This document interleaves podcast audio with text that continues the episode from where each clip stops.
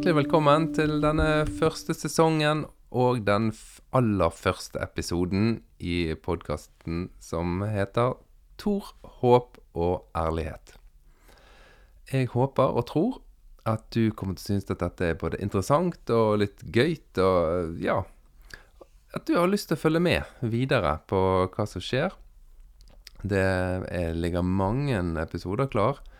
Eh, og det har vært en stor utfordring når jeg skulle ta denne første episoden. Jeg har spilt den inn mange ganger, og hver gang så ender det opp med at jeg nevner så himla mange av de episodene som skal komme, at det nesten blir en eh, kjempelang episode i seg sjøl å bare trekke tråder om det som kanskje skal komme i seinere episoder.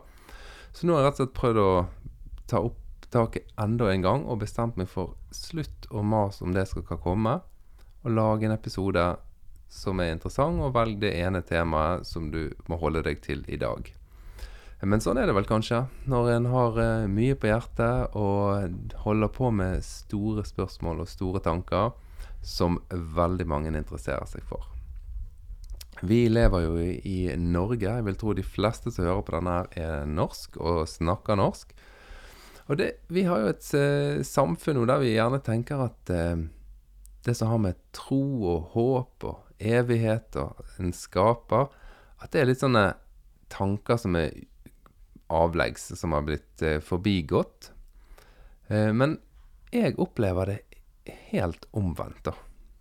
Jeg opplever at uansett hvor jeg kommer, og hvor jeg går, om jeg er på et besøk eller en fest eller eh, til og med på handletur, så treffer jeg mennesker som er interessert i tro. Det som slår meg, er at det er veldig få som er interessert i en fasit på hvordan en skal tro, og hva troen innebærer, sånn i detalj. Det tror jeg folk begynner å synes er ganske irriterende. For vi har begynt å forstå at vi ikke forstår. Men det er helt utrolig mange som virkelig er opptatt av etikk, moral, evighetsperspektiv, livets eh, innhold, hva som er viktig for oss, og som tenker at det finnes noe mer enn det vi ser. Noe eller noen som står bak alt sammen. Og til alle dere som tenker sånn, så vil jeg si denne podkasten er som laget for deg. Ehm, jeg eh, har jo sjøl vært veldig interessert i de gamle tekstene som er eh, samlet i en eh, bok som eh, kalles Bibelen. Og den interessen den fikk jeg veldig tidlig. I, allerede i 15-årsalderen så ble det stor interesse for meg. Og den interessen har fulgt meg gjennom hele livet i ulike svinger og bølgedaler. men den har alltid vært der. Og for en del år siden så begynte jeg også å skrive i romanform de aller eldste tekstene de tekstene som vi ofte tenker er så gamle at de er helt ugyldige. Og det tenker folk gjerne om de er aktive og kaller seg for troende i en offentlig sammenheng, eller om en har tatt avstand fra alt som har med kristen tro å gjøre, eller om en kaller seg ateist. Så tenker vi uansett at disse tekstene er for gamle til å ha noe å si til oss i dag. Men jeg sitter og skriver og jobber med gamle tanker, historier som har gått i arv i kanskje så mye som 5000 år, så slår det meg hele tiden Wow, dette er jo en problemstilling som vi står overfor i dag. Dette er et etisk dilemma som vi møter i dag. Jeg skal ta ett eksempel i denne episoden, som jeg tenker eh, viser litt av aktualiteten i de evige spørsmålene. For eh, sånn ca. 2500-3000 år siden så ble det skrevet en fortelling om et folk som var veldig rik. Eh, og i nærheten av det folket så bosatte det seg nødvendigvis folk som ikke var så rik. Det bosatte seg folk som var fattige. Dette rike folket de begynte å tenke at denne rikdommen den tilhører oss, vi fortjener den. Vår kultur er spesielt god. Det er derfor vi er så rike. Så nå må vi passe på at disse innflytterne, disse innvandrerne, disse andre folkeslagene, at de ikke vokser for mye, at de ikke får det for bra. Vi må ikke slippe det inn i vårt samfunn. Vi må holde de nede. Etter hvert så aksepterte dette rike folket at eh, hvis ikke det, disse barna fra de fattige folkene druknet ved fødsel, så kom de sjøl til å miste sin kultur.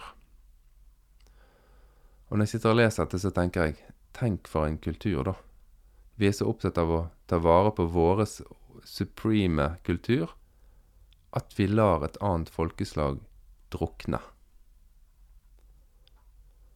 Ja, er dette en kultur som er verd å ta vare på, da?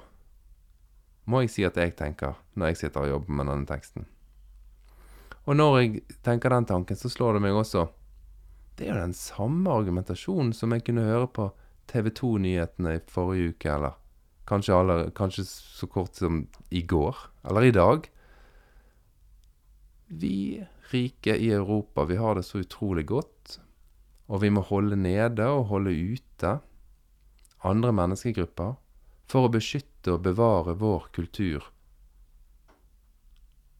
Og så er det sånn med disse tekstene at de sier ikke oss direkte hvordan det skal løses.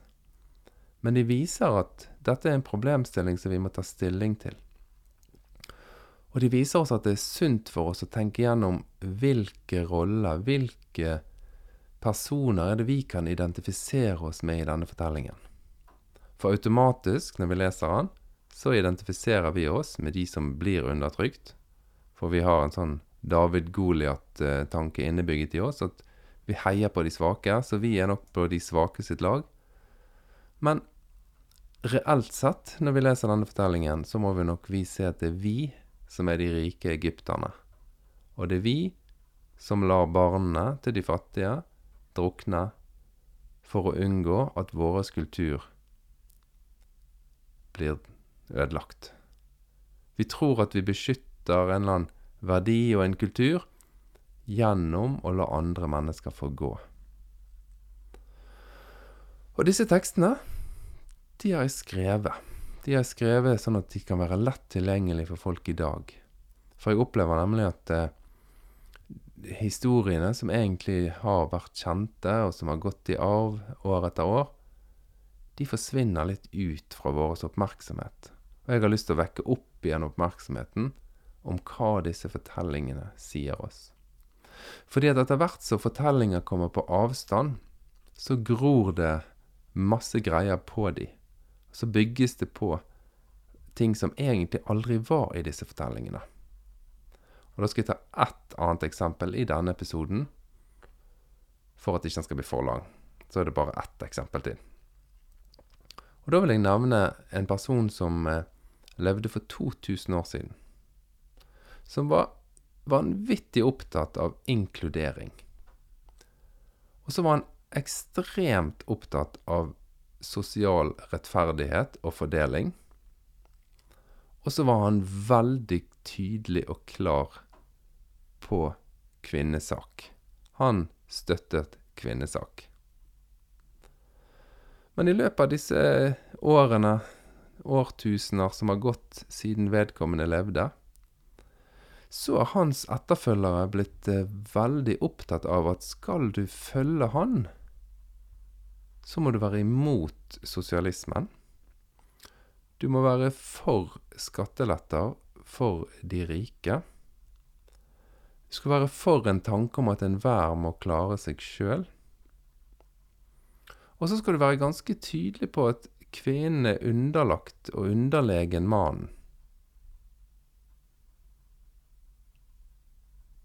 Og i tillegg så må du være opptatt av å beskytte arven fra denne personen.